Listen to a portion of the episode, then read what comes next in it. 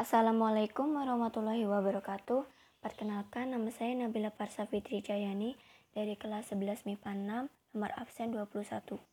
Di podcast saya kali ini, saya akan menjelaskan tentang latar belakang adanya tanam paksa atau kultur style cell serta tujuan, dampak, kebijakan yang diberlakukan, dan tokoh-tokoh siapa saja yang terlibat.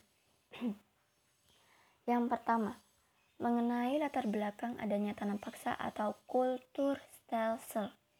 Latar belakang adanya sistem tanam paksa atau kultur stem cell adalah keinginan pemerintah Belanda untuk mendapatkan keuntungan besar untuk menutup pengeluaran dan defisit anggaran akibat Perang Diponegoro dan pemberontakan Belgia I.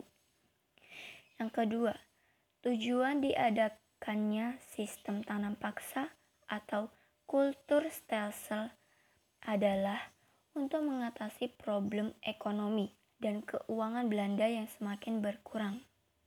Yang ketiga, dampak adanya sistem tanam paksa atau kultur stelsel di bidang ekonomi ada dua, yaitu dampak positif dan dampak negatif.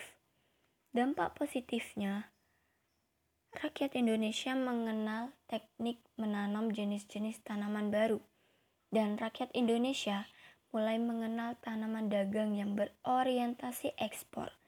Sedangkan dampak negatifnya yaitu kemiskinan serta penderitaan fisik dan mental yang berkepanjangan, beban pajak yang berat, pertanian khususnya padi banyak mengalami gagal panen, kelaparan dan kematian terjadi di banyak tempat, sehingga jumlah penduduk Indonesia mengalami penurunan. Yang keempat, kebijakan atau ketentuan-ketentuan yang diberlakukan, antara lain, setiap petani diwajibkan menyerahkan seperlima dari tanahnya untuk ditanami tanaman yang hasilnya laku di pasar Eropa, seperti kopi, nila, tebu, tembakau, dan teh. Waktu yang diperlu, diperlukan untuk mengejar, mengerjakan tanah tidak boleh melebihi waktu menanam padi. Penduduk yang tidak memiliki tanah wajib bekerja di perkebunan pemerintah Belanda selama 65 hari. Dan kebijakan atau ketentuan-ketentuan yang lain sebagainya. Yang kelima, tokoh-tokoh siapa saja yang terlibat adalah Van den Bosch, di mana beliaulah yang mengusulkan adanya tanam paksa atau kultur stelsel. Demikian podcast saya kali ini.